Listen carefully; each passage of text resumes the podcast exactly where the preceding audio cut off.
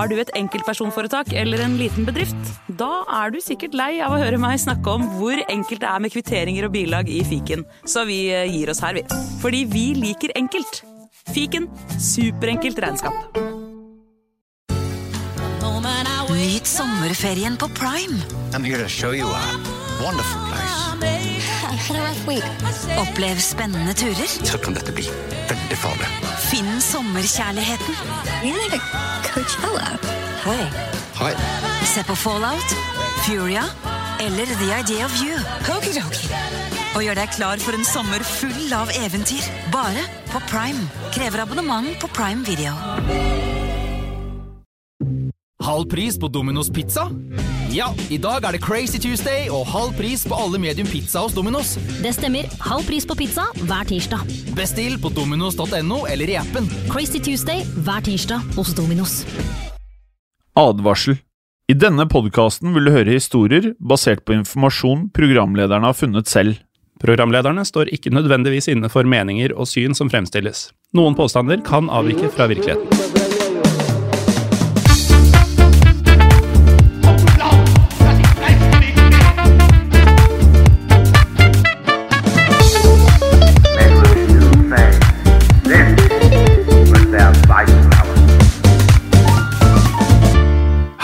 Og velkommen tilbake til Historie på den andre verdenskrig. Mitt navn er som alltid Jim Fosheim. Eh, og nå, Morten, så er det jo eh, kanskje mer passende at jeg da sier godt nyttår til deg. Jo, godt nyttår til deg også, Jim. Takk. Eh, Det er jo eh, mye som forandrer seg for tida. Navnene våre er ikke en av de tingene, og det at vi kommer med en ny episode hver uke, er heller ikke en av de tingene. Nei. Eh, og så må vi jo si godt nyttår til lytterne våre. Det må vi. Godt nyttår, eh, du som hører på. Ja, til alle dere som hører på, og eh, til alle dere som Vet du hva, jeg fant faktisk ut at på Historie for alle så er det også folk som melder seg inn som ikke hører på podkasten. Visste du det? Nei. Men det er vel også gruppa til flere podkaster som ikke i hvert fall jeg er med på. Ja, altså det er gruppen til Historiepodden, Historiepodden andre verdenskrig, Henrettelsespodden, Krigspodden, nei, Krigsrevyen og Gangsterpodden. Ja. Krigspodden, det var sabla bra navn. ja. Høres ut som du eh, fikk noen eh, griller i huet nå. Ja, nesten. Vi har jo ikke Eh, nok podkaster sammen. Hæ? Vi har jo ikke nok podkaster sammen. Nei, nei, nei, nei, nei, nei, vi har for få. Eh, og vi kan jo da røpe om at dette her er vel første episode vi spiller inn uten at vi sitter i studio sammen på ganske lenge. Ja, vi trodde jo dette her var eh, over, men eh, nå har jeg vært litt eh, hanglete utover ettermiddagen i dag, så vi tok ingen sjanser. Så jeg sitter hjemme, og du sitter i studio. Ja, Og det funker jo helt greit, selv om det ikke er like gøy. Nei, det er jo ikke like gøy, men vi, vi får det til. Vi får det til, Morten. Og så håper vi jo da at lytterne har hatt en riktig god jul. Hvordan har julen din vært, Morten? Du, den har vært uh, veldig fin. Uh, mye folk jeg setter pris på, mye mat med mye fett. Eh, hva med deg? Egentlig mye av det samme. Mye, Ja. mye mat. Veldig mye TV. Eh, For man kan jo liksom ikke Jeg føler ikke at det blir helt vanlig jul da, når det er eh, litt sånn lockdown-tendenser. Så Nei, Ja. nei det, det, blir jo ikke helt som i, i gamle dager, da vi var unge og spreke. Og jeg blir i hvert fall ikke noe mer sprek av en sånn type jul som det har vært nå. Nei, Veldig lite sprek, faktisk. Men uh, vi kan jo håpe at det, vi vet jo at mange av lytterne våre faktisk da ikke nødvendigvis bor kun i storbyer. Og jeg har faktisk også fått med meg at folk eh, bor steder av eh, landet hvor det ikke er spesielt mye smitte, som bor litt sånn landlig til. Og det Ja. høres jo veldig digg ut akkurat nå, da. Mm, det gjør det. Altså, Å bo i Kåfjord for eksempel, hadde vært helt nydelig akkurat nå. Uten at jeg vet eh, nøyaktige smittetall der, så tipper jeg at de er lavere enn i Oslo. Men Kårfjord, det Det er to Kårfjord. Så kommer det litt an på hvilken, for jeg tror det ene er litt større enn det andre. Men nok om det. Eh, dagens episode ja, altså vi, vi starter jo året med noe særs, særs kuriøst, Morten. Det gjør vi, og vi skal jo få bryna tungemuskulaturen vår ganske bra i dag også, for det, er, det kommer noen navn. Ja. Og når vi ikke klarer å si Kåfjord engang, så blir det jo spennende å se hvordan vi takler disse østlige lydene. Ja, jeg må bare si at eh, jeg har øvd meg i forkant av episoden på å si ett spesielt navn eh, spesielt her. Eh, jeg ble mm, aldri veldig god, men jeg tror jeg klarer å si det på ett forsøk av og til. Ja, eh, det var riktignok før vi trykka record. Det, Ja. det bringer ikke alltid fram det beste i oss. Nei da, vi får se. Vi prøver. Eh, vi kan i hvert fall starte med å si at vi skal til eh, eh, Sovjetunionen, der vi har vært mange ganger i denne og vanlige historiepodden eh, tidligere. Og vi kommer Eh, til å dra dit igjen. Ja, og vi kommer til å dra dit igjen og igjen. Men dagens eh, modige kvinne, hun gikk eh, som eh, nattheksen også til krig mot nazistene, etter at nazistene invaderte Sovjetunionen i 1941. For da ektemannen hennes ble drept på fronten, så gikk denne kvinnen til innkjøp av en tanks! Og hele poenget med å kjøpe denne tanksen, det var å hevne hans død. Og allerede her så har vi lagt premisset for en vanvittig historie. Ja, det er jo ikke helt Altså, folk eh, bearbeider sorg på forskjellig vis. Den her er nok relativt unik. Ja. Og så kan jeg også legge til at hun døpte tanksen sin. Og hun døpte tanksen noe sånn som følger. Jeg tror jeg klarer å uttale sånn ganske ok. Bojevaya podruja. Eh, Det tror jeg ikke var så verst, altså. Nei, Bojevaja podruga. Podruja. Uh, bedre kjent selvfølgelig på engelsk, og her skjønner man jo hvor nydelig premiss dette er for en episode, Uh, nemlig Brojovojeda prodjuja betyr fighting girlfriend. Har du hørt noe råere?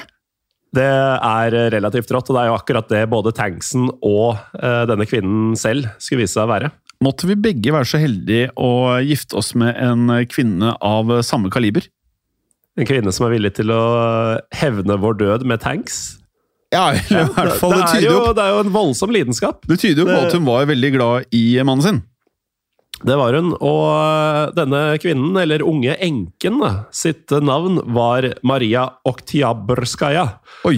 Eh, og det er vel kanskje det ordet du, eller navnet du har øvd deg på i forkant, Jim. Eh, Ja. Jeg hadde egentlig også prøvd meg litt, men jeg ble litt tatt på senga nå. Men jeg tror det gikk sånn noenlunde. Ja. Eh, jeg tror uansett vi kanskje skal holde oss til å kalle henne Maria mesteparten av tida her i dag. Eh, det er uansett et navn som har gått inn i historien, for hun endte nemlig opp med å bli den første kvinnelige tanksføreren som ble tildelt utmerkelsen Helt av Sovjetunionen, som da er Sovjetunionens høyeste utmerkelse for tapperhet i strid. Ja. Eh, Men vi kan jo da starte med å se litt på hvordan hun gjorde seg fortjent til denne utmerkelsen. Og da må vi begynne der det hele startet, nettopp i barndommen til Maria. Hun ble født i 1905 og vokste opp i eh, en fattig bondefamilie på Krimhalvøyen. Og avhengig av hvem man spør, da, så ligger jo Krim nå i enten i Ukraina eller i dagens Russland. Eh, men den situasjonen der er, as we speak, ganske betent. Det er den. Eh, Jeg kan jo skyte inn at jeg var i Ukraina i de dager hvor Russland gikk inn i Krim i 2014. Og var det Det det? var eh, spesiell stemning, altså. Ja, det vil jeg tro. Eh, Skummelt? Jeg var ikke, jeg var ikke på Krim, da, heldigvis. Var det skummelt? Uh, nei, det var mer eh, fascinerende. Det er jo utrolig mange mil fra Kiev til Krim. Jeg var i Kiev. Ja. Uh, men eh, spennende var det uansett. Uh, men Maria, da, i en helt annen tid, hun var en del av en søskenflokk på ti. Og som ung kvinne så jobba hun i en hermetikkfabrikk, og som eh, telefonist. Eh, Et uttrykk vi ikke bruker så mye nå lenger. Eh, Men så, i 1925, da Maria var blitt 20 år, da ble hun gift med en sovjetisk offiser i Den røde armé. Og denne mannen het Ilja Oktjabrskij. Dette giftermålet skulle bli definerende for det videre livet til Maria, for eh, hun ble nemlig selv interessert i militære spørsmål av å være gift med denne offiseren, eh, og hun ble med i en forening for militærfruer. Og I tillegg så utdanna hun seg til eh, å bli sykepleierske i Hæren. Mm. Så man merker jo her øh, veldig tidlig en stor form for dedikasjon, i hvert fall. Ja.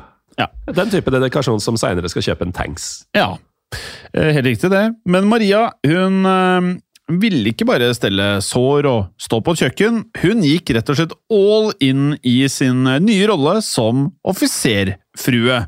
Hun skal angivelig ha sagt noe sånn som følgende. Gifter du deg med en militær så tjenestegjør du i hæren. En offiserfrue er en stolt og ansvarsfull tittel. Så Maria hun eh, lærte seg jo derfor da å bruke våpen og også styre ulike kjøretøy, eh, noe vi da skjønner kom godt med senere i denne historien. Ja, eh, på godt og vondt, egentlig. For eh, ettersom årene gikk, så steg den politiske spenninga i Europa, og da spesielt selvfølgelig da Adolf Hitler og nazistene kom til makta i Tyskland i 1933. Og det brygga jo, som mange av våre lyttere vet, opp til krig i Europa. Men landet til Maria, altså Sovjetunionen, de klarte til å begynne med å holde seg utafor andre verdenskrig. For i august 1939 så inngikk nemlig landets leder, Josef Stalin, en såkalt ikke-angrepsavtale med Tyskland. Og på den måten så kunne de to landene dele Polen mellom seg. Eh, I tillegg så annekterte Sovjetunionen eh, Romania. eh, I tillegg til de baltiske landene, altså Latvia, Litauen og Estland, og deler av Finland. Men 22. juni 1941 så stakk Hitler eh, Stalin i ryggen ved å sette i verk Operasjon Barbarossa, som vi da har snakket om mange ganger i begge podkastene våre. Som da var, eh, kort fortalt, en fullskala invasjon av Sovjetunionen. Og Hitler han hadde nemlig en visjon, han, som vi da alle vet, om å da utvide det tyske riket østover, mot de slaviske områdene. Eh, Og der skulle nazisten da skape det de kalte Lebensraum, altså dette leveområdet eh, for det tyske folk. Ja, og da ble jo da Ilja, altså Marias eh, mann, sendt til fronten for å kjempe mot nazistene, mens Maria på sin side hun ble evakuert langt østover til en by i Sibir som heter Tomsk. Men i 1943 da fikk Maria beskjed om at Ilja var blitt drept på fronten nær Kiev, og det hadde tatt hele to år før dødsbudskapet, altså beskjeden om at mannen var eh, drept, nådde frem til Maria. Ja, og um, til våre litt yngre lyttere som ikke har opplevd perioden før uh, mobiltelefon og personsøkere, det er ikke, det er ikke så Altså, deler av denne kommunikasjonsproblematikken her som vi ikke har i dag, det er ikke så lenge siden det faktisk også gjaldt oss, Morten. Nei, altså, jeg eh, så på The Wire først i fjor, eller eh, forrige fjor muligens, altså ganske voksen alder. Og da man i den første sesongen drev med personsøkere for å, eh, for å fange disse kriminelle, så syns jo jeg det var helt absurd. Men jeg husker jo godt, når jeg tenker tilbake, hvor kort tid siden det er at det var en greie. Ja. Og dette er jo da igjen veldig lenge før det fantes personsøkere og noe som ligner på mobiltelefoner og Ja. internett. Så på den tiden her, så ikke bare var det eh, problematisk å få informasjon i det hele tatt, men det var også eh, helt andre måter å, å få informasjon frem på rent teknologisk. Altså alt gikk eh, ganske spartansk for seg. Og Maria hun ble sjokkert selvfølgelig, og knust med den innledningen vi har. Når hun kjøpte seg en tank, så skjønner vi jo dette her. Hun ble sjokkert og knust av det hun hørte, og hun bestemte seg for å da ta hevn på tyskerne. Hun meldte seg umiddelbart som frivillig i hæren, men der skal hun blitt avvist grunn av en eh, tidligere sykdom, for hun hadde nemlig hatt tuberkulose. Og hun ble dessuten også ansett som noe gammel til å være med i militæret, da hun var på dette tidspunktet 36 år gammel. Men Maria hun var fast bestemt på å hevne mannen sin, så hun valgte seg rett og slett bare en annen eh, tilnærming. Hun solgte huset sitt og alle eiendelene sine, og brukte da pengene eh, på å kjøpe et eksemplar av Sovjetunionens nye praktvåpen, tanksen T-34. Og denne ville hun da donere til hæren. Men det var en eh, forutsetning for denne donasjonen. og den var at Maria, hun skulle selv styre tanksen. Så Maria hun sendte derfor et eh, telegram til Stalin, som var i Kreml, for å da få tillatelse til å bli tankfører. Og eh, utrolig nok så innvilget angivelig Stalin, altså personlig, søknaden hennes. Ja. Eh, I telegrammet så ba Maria om lov til å kjempe for landet sitt, og skrev følgende. Min mann ble drept i kamp for å forsvare moderlandet. Jeg ønsker hevn på de fascistiske hundene for hans død, og for døden til sovjetiske mennesker som er blitt torturert av de fascistiske barbarene. Maria hun ble satt til trening hun som eh, tankfører, og rett og slett da umiddelbart sendt ut i krigen. Og nå starter jo historien virkelig for fullt her, eh, Morten. Nå har vi bare liksom nå har vi lagt premissene litt. Grann. Eh, Men hvordan dette da går, det skal dere få høre mer om etter en liten pause. Velkommen tilbake. Før pausen så hørte vi at eh, Maria Oktyabrskaja kjøpte en tanks for å kjempe mot eh, nazistene. Stalins eh, militærledere de skjønte at Maria kunne skape blest rundt den viktige innsatsen på østfronten, og hun fikk derfor ønsket sitt oppfylt, men først måtte Maria trenes opp. Ja. Maria hun tok fatt på en intens opplæringsperiode i mai 1943. Vanligvis så var det sånn at eh, tankførerne ble sendt eh, rett i fronten uten eh, noe spesielt av trening, men offiserene tok ikke sjansen på dette med Maria. Og etter fem måneder så var hun da mer eller mindre en velutdannet tankfører. Og som vi har nevnt, så kalte Maria tanksen sin for Bujevaja Podruja.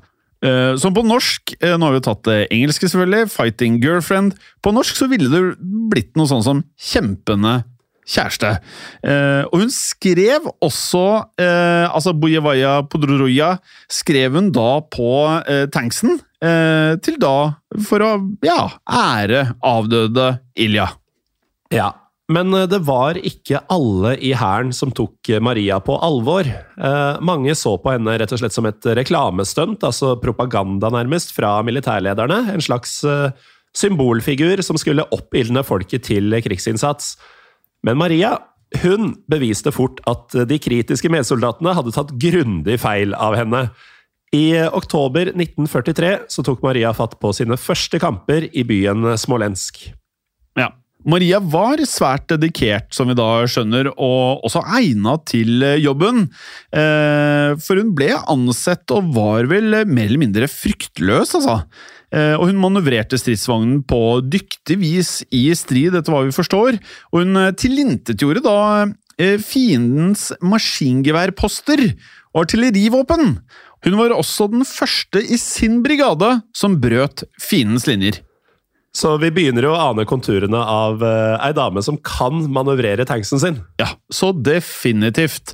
Eh, og så kom det jo et eh, tilfelle som ikke var optimalt for Maria, selvfølgelig, for tanksen hennes ble omsider truffet, den også.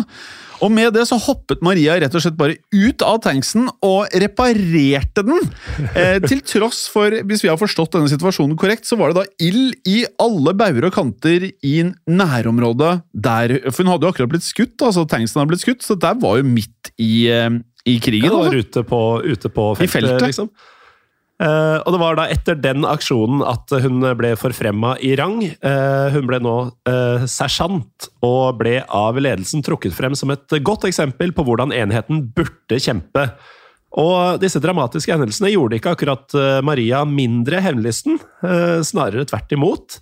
For i et brev som hun skrev til søsteren sin, så skal hun ha sagt følgende Jeg har fått min ilddåp. Jeg knuste jævlene.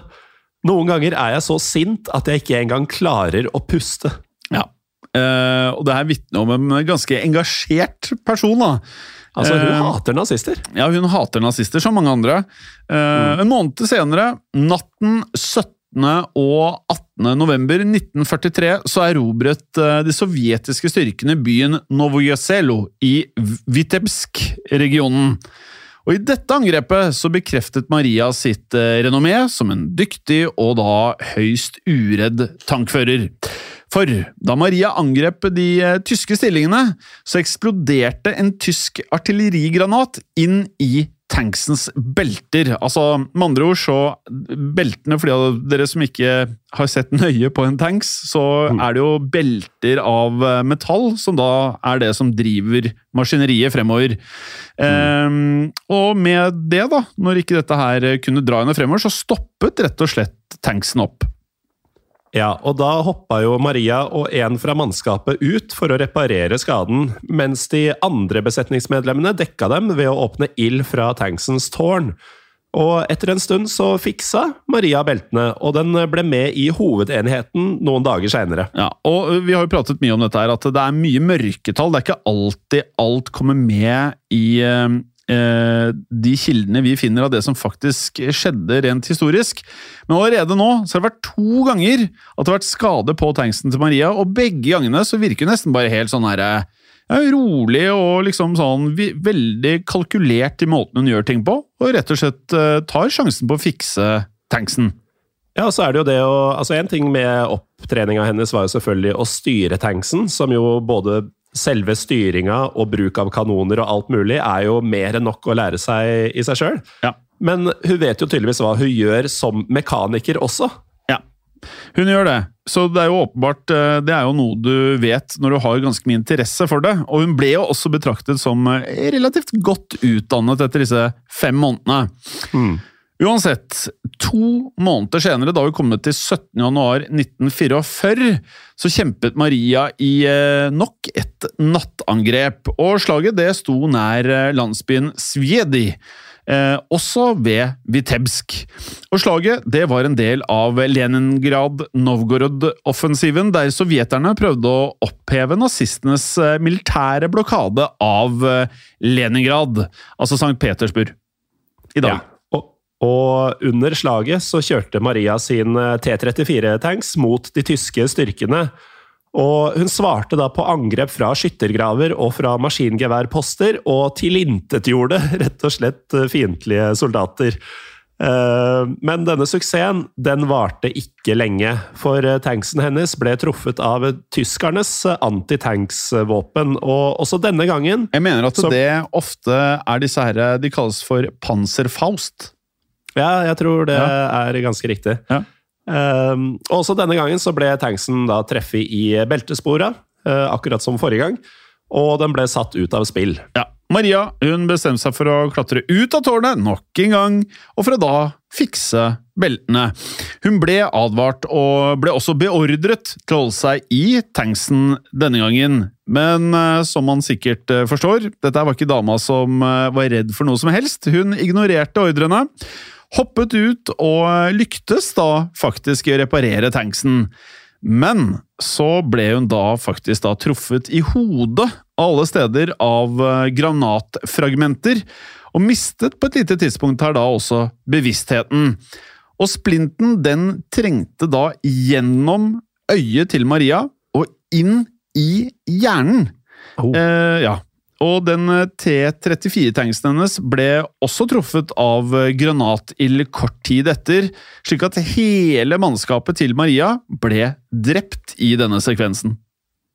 Og etter slaget så ble Maria frakta til et sovjetisk eh, militært eh, feltsykehus i Fastov, ikke langt unna Kiev, hvor hun ble lagt i koma. Og Sovjeternes offensiv mot Leningrad den fortsatte, og den 26. januar 1944 så erklærte Stalin at den totalt 900 dager lange beleiringa, altså godt over to år, nesten tre, eh, av Leningrad var oppheva, og de tyske styrkene ble så drevet ut av hele Leningrad-regionen. Ja, men for Maria, Morten, så ble det ganske Altså, det ble jo tragisk, dette her. For hun våknet aldri igjen etter den sekvensen vi pratet om, og døde etter kun to måneder i koma. Og da var vi kommet til 15. mars 1944. Og da var hun ikke mer enn 38 år gammel. Og i august samme år så ble Maria eh, posthumt tildelt utmerkelsen Helt av Sovjetunionen. Og posthumt betyr da etter sin død. Ja. Og dette var da en eh, anerkjennelse da for hennes tapperhet i kampene rundt Vitebsk, og hun ble gravlagt med militære hedersbevisninger i heltenes minnelund i Smolensk. Og tanksen til Maria, altså denne fighting girlfriend, eller kjempende kjæreste, den nådde byen Kaliningrad med de sovjetiske fremrykningene, og tanksen ble faktisk ødelagt tre ganger, men den ble alltid erstatta av en ny med samme navn. Eh, Dermed ble minnet om Maria Oktjabrskaja eh, holdt i live i enheten hennes, og det ble senere også satt opp en byste av Maria i Tomsk, eh, byen der hun hadde bodd under deler av krigen. Ja, Og eh, Maria, vi har jo pratet om flere veldig tøffe sovjetiske kvinner. Eh, Og Maria er kun eh, ett av mange eksempler på sovjetiske kvinner som søkte seg til fronten, og som kjempet og var ekstremt viktige under andre verdenskrig, eller den store fedrelandskrigen, som den blir kalt i Russland. Um, og Vi skal jo i denne podkasten og sikkert vanlig historiepodden også prate om masse andre kvinner, og spesielt sovjetiske kvinner, som var å anse som eh, store helter under andre verdenskrig. Og vi, eh, vi kan jo også legge til at det, det var flere kvinner som ble dekorert med æresbevisninger for eh, innsatsen sin som tankførere eh, under annen verdenskrig og andre eh, områder på fronten. Men eh, Maria er imidlertid den mest eh, kjente, og det er blitt eh, foreslått å lage film om historien hennes, uten at disse prosjektene har blitt realisert foreløpig. Jeg håper at noen tar tak snart, for dette har jeg lyst til å se enda mer levende for meg. Ja, Dette kan faktisk bli en vanvittig film. Skal jeg, Mm. skal jeg fortelle hvem jeg liksom ser for meg i den hovedrollen, Morten? Ja, gjør det. Hun der, eh, hun der som spiller Wonder Woman. Ja vel, ja. Hun eh, Eller er jeg litt off, da? Nei, det kan godt funke, det, altså. Ja. eh, hun Gal Gadot. Ja, nei, jeg syns hun er skikkelig tøff og eh, barsk. Jeg tror hun kunne gjort det. Du kan en se for deg henne hoppe ut av en tanks og reparere den mens skuddene hagler rundt deg. Ja, og så prater Mm. hun jo for så vidt litt gebrokkent engelsk i filmene. Mm. Så jeg tror det kan på en naturlig måte tilfalle rollen på en eh, fordelaktig måte. Ja, men da går du fra norsk podcaster til Hollywood-caster i løpet av ganske kort eh, tid. Usikker. Ja, men det er ikke den verste ideen jeg har hørt. Nei, det er altså. ikke det. Det er en god Og idé. hvis, eh, hvis noen av dere som hører på har bedre eller dårligere ideer, så er det jo bare å bruke Facebook-gruppa vår. Ja, bra. Morten.